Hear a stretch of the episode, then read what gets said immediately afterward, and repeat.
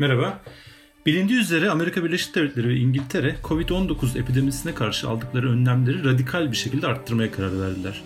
Financial Times gazetesinde yayınlanan bir habere göre bu politika değişikliğine gidilmesinde epidemiyolog Profesör Neil Ferguson ve ekibinin 16 Mart 2020 tarihinde yayınladıkları ve hem Beyaz Saray hem de Downing Sokağı 10 numarayla paylaştıkları raporda yer alan öngörülerin önemli bir etkisi oldu. Bizi Kısa Dalga Net ve podcast platformlarından dinleyebilirsiniz. Dolayısıyla oldukça önemli, anlamamız gereken bir rapor bu. Kısaca bu rapordaki öngörülerin neler olduğunu aktarmaya çalışacağım. Fakat söz konusu öngörüleri değerlendirebilmemiz için epideminin nasıl bir dinamik olduğunu anlamamız gerekiyor. Dolayısıyla ilk olarak bu dinamikten bahsedeceğim. Başlamadan önce belirtmeliyim ki ben epidemi uzmanı değilim. Ee, öneri ya da tahminde bulunamam, haddime değil. Burada sadece bu dinamiği anlamamızı sağlayan matematiksel modeli ana hatlarıyla özetleyeceğim ve sözü geçen rapordaki öngörüleri bu model ışığında bu model ışığında yorumlayacağım. Şimdi söz konusu model oldukça eski. 1930'lara kadar dayanıyor. Ee, yani çok büyük olasılıkla bu 1918 yılındaki 1918 yılındaki büyük grip salgınının yarattığı büyük yıkım e, üzerine düşünmeye başlayan, e, bundan etkilenen bilim insanlarının, matematikçilerin e, ortak çabalarıyla oluşmuş, şekillenmiş bir model bu. Basit ama tahmin gücü çok yüksek bir model. Medyada gördüğümüz projeksiyonlar epidemiyologların bu modeli kullanarak yaptıkları çıkarımlara dayanıyor. Yani dolayısıyla bu modeli ana hatları da ana hatlarıyla da olsa anlamakta büyük fayda var. Şimdi epideminin kendi olan akışında ilerleyip yok olduğu senaryoyla başlayalım. Daha sonra olası müdahalelerin akışı nasıl değiştirebileceğinden e, söz edeceğim. Şimdi virüsün nasıl yayıldığını düşünelim. Epideminin en başında bir kişi enfekte oluyor ve kısa bir süre sonra e, taşıdığı virüsü bulaştırmaya başlıyor. Bu taşıyıcı bir başkasıyla temasa geçtiğinde virüsü belli bir olasılıkla bu kişiye bulaştırıyor. Örneğin bir taşıyıcı taşıyıcı olduğu süre boyunca ortalama 100 kişiyle temas ediyorsun ve söz konusu bulaştırma olasılığı ortalama 1 bölü 50 olsun. Bu durumda taşıyıcı virüsü ortalama olarak 2 kişiye bulaştırıyor. Sonra bu 2 kişi 4 kişiye, bu 4 kişi 8 kişiye, 8 kişi de 16 kişiye bulaştırıyor ve bu sayı bu şekilde bir süre artıyor. Üstsel olarak yani katlanarak artıyor. Fakat bu esnada başka bir şey daha oluyor. Taşıyıcılar hafif ya da ağır hastalanıyorlar ve hastalananların küçük bir yüzdesi ölüyor. Diğerleri iyileşiyor ve bağışıklık geliştiriyor. Yani bir periyotta taşıyıcı olanlar bir sonraki periyotta bağışıklık kazanıyorlar ve artık virüsü bulaştırmıyorlar ve de virüs kendilerine bulaşmıyor. Birazdan ayrıntılandıracağım ama baştan söyleyeyim. Bağışıklık kazananların sayısı sürekli artıyor ve bu sayı aslında bir nevi hız kasisi işlevi görüyor, salgını yavaşlatıyor. Şimdi bu dinamiğe göre herhangi bir anda nüfusu 3'e ayırabiliriz.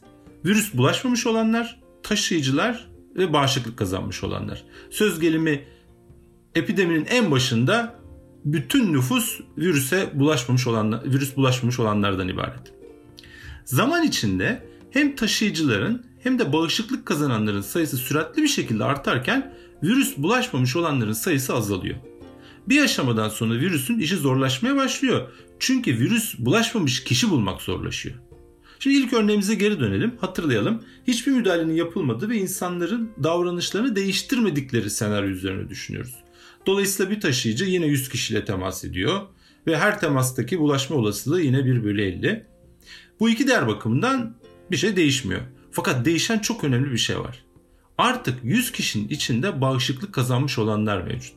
Varsayalım ki epideminin nüfusun %20'sinin bağışıklık kazanmış olduğu bir andayız. Dolayısıyla bir taşıyıcı ortalama olarak yine 100 kişiyle temas ediyor. Burada değişen bir şey yok. Ama artık en fazla 80 kişiye bulaştırabiliyor. Ve virüsü bulaştırdığı ortalama kişi sayısı 1.6'ya düşüyor. Yani aslında bir yandan aktif taşıyıcı sayısı artarken ki bu virüs için çok iyi bir şey. Diğer yandan bir taşıyıcının virüsü bulaştırdığı ortalama kişi sayısı azalıyor. Bir noktadan sonra bu ikinci etki dominant olmaya başlıyor ve aktif taşıyıcı sayısı da azalmaya başlıyor. Epidemi düşüşe geçiyor ve sonunda yok oluyor. Bütün epidemilerin izlediği temel dinamik, takip ettiği temel dinamik kabaca bu. Şimdi hatırlayalım. Örneğimizde epideminin en başında bir taşıyıcı ortalama olarak iki kişiye bulaştırıyordu virüsü.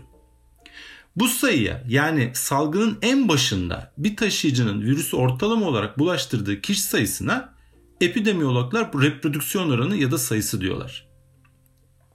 Dikkat edelim burada önemli olan nokta bu değerin salgının en başındaki değer oluyor olması. Bu sayı çok önemli. Peki neden? Çünkü bu sayı bize kaç kişinin enfekte olacağını ve dolayısıyla kaç kişinin hayatını yitireceğini söylüyor epideminin sonu itibariyle. Bu sayı birden küçükse virüs salgını asla epidemiye dönüşmüyor. Öte yandan bu sayı ne kadar büyük olursa epidemi de o kadar büyük ölçekli oluyor. Hayata kulak ver. Kulağını sokağa aç. Haberi duy. Haber podcastle buluştu. Kısa Dalga Podcast. Covid-19 için reprodüksiyon sayısının henüz ne olduğunu kesin olarak bilmiyoruz. Farklı tahminler var. Okuduğum kadarıyla 2 ila 3,5 arasında değişiyor. Zaman içinde e, çok daha bu konuda keskin bir e, tahminimiz mutlaka olacaktır. Profesör Ferguson, Ferguson ve ekibinin raporundaki sonuçlar yaklaşık 2,5 değeri için elde edilmiş. Şimdi bu durumda hiçbir müdahale yapılmazsa elimizdeki matematiksel modele göre nüfusun yaklaşık %85'i enfekte olacak ki rapordaki simülasyonlara göre de bu oran %81. Bu iki rakam oldukça yakın birbirine. Burada temel sorun sağlık sisteminin bu epideminin altından kalkıp kalkamayacağı ya da nasıl kalkacağı. Rapora göre İngiltere'deki mevcut hastane yapısı, altyapısı göz önüne alındığında Nisan'ın ortasından itibaren yoğun bakım üniteleri talebi karşılamakta yetersiz kalacak ve Haziran başı gibi de talep arzın yaklaşık 30 kadına kadar çıkacak. Asli amaç bu yılmayı engellemek. Aksi takdirde sağlık sistemi çökme noktasına gelecek. Şimdi gelelim alınan önlemlere ve raporda yer alan öngörülere. Öncelikle alınan önlemlerin reprodüksiyon sayısını efektif olarak düşürdüğünü vurgulamakta fayda var. El sabunlamak, taşıyıcıların maske takması, tokalaşmamak gibi kişisel önlemler aslında virüsün her temastaki bulaşma olasılığını azaltıyor. Öte yandan okulları kapatmak, sosyal mesafelenme gibi daha geniş ölçekli toplumsal önlemler temas sayısını azaltıyor. Ee, her halükarda reprodüksiyon sayısı efektif olarak düşüyor. Şimdi bu noktada iki farklı türde müdahale ya da politika söz konusu. İlki epideminin hızını yavaşlatmak ve dolayısıyla etkilerini zamana yaymak. Burada reprodüksiyon sayısı alınan önlemlerle düşürülüyor ama birin altına değil. Yani epidemiyi durdurmak değil, ölçeğini küçültmek hedefleniyor. Örneğin İngiltere başlangıçta bu politikayı uygulayacağını duyurmuştu. Bu sayede ölüm sayısı azaltılacak, sağlık sistemi üzerinde kaldırılamaz bir yük oluşmayacaktı. Daha doğrusu böyle olacağına inanılmıştı.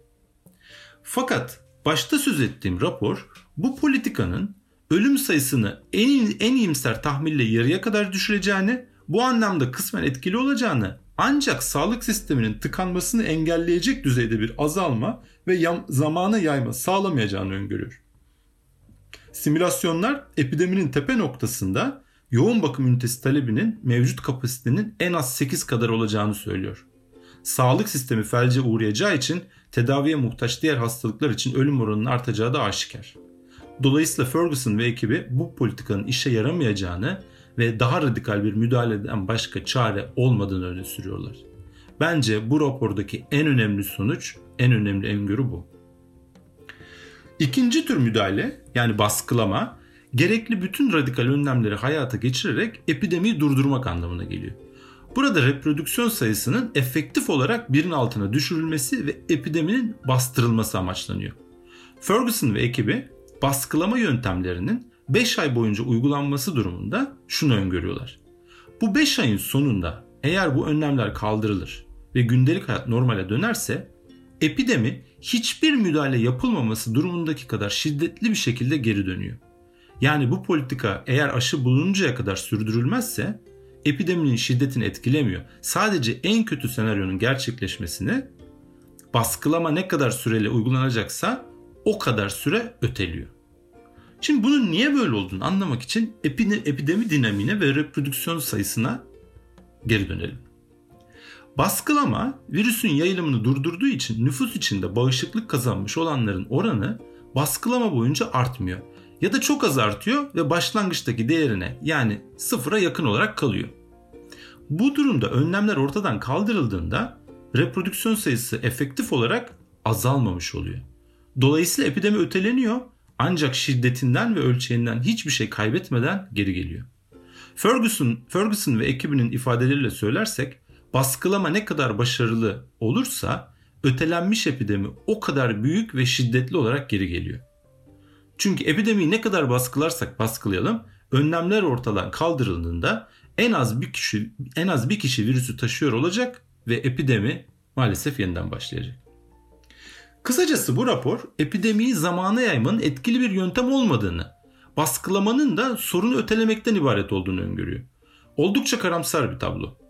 Geçtiğimiz 3-4 gün içinde bu karamsar tablonun çok gerçekçi olmadığını öne sürenler de oldu. Bu görüşe göre baskılama süresince her şeyden önce zaman kazanılmış olacak ve bir sonraki raunda daha iyi hazırlanacak. Test kitleri geliştirilecek ve Çin, Güney Kore, Singapur ve Tayvan'da uygulanmış olan herkese test ve hasta takibi gibi çok daha sofistike yöntemlerin altyapısı kurulacak. Böylece hayat normale döndüğünde bu önlemler devreye sokulabilecek ve ötelenmiş epidemi senaryosu bu raporda öngörüldüğü kadar karanlık olmayacak. Son olarak global ölçekte bir sorundan söz ediyoruz ve hiçbir toplumun diğer deneyimlere kayıtsız kalmak gibi bir lüksü yok. Türkiye'de istisna değil. Dışımızdaki dünyayı yakından takip etmek ve olup biteni anlamaya çalışmak, dersler çıkarmaya devam etmek durumundayız. Hoşçakalın, sağlıklı kalın. Bizi Kısa Dalga Net ve podcast platformlarından dinleyebilirsiniz.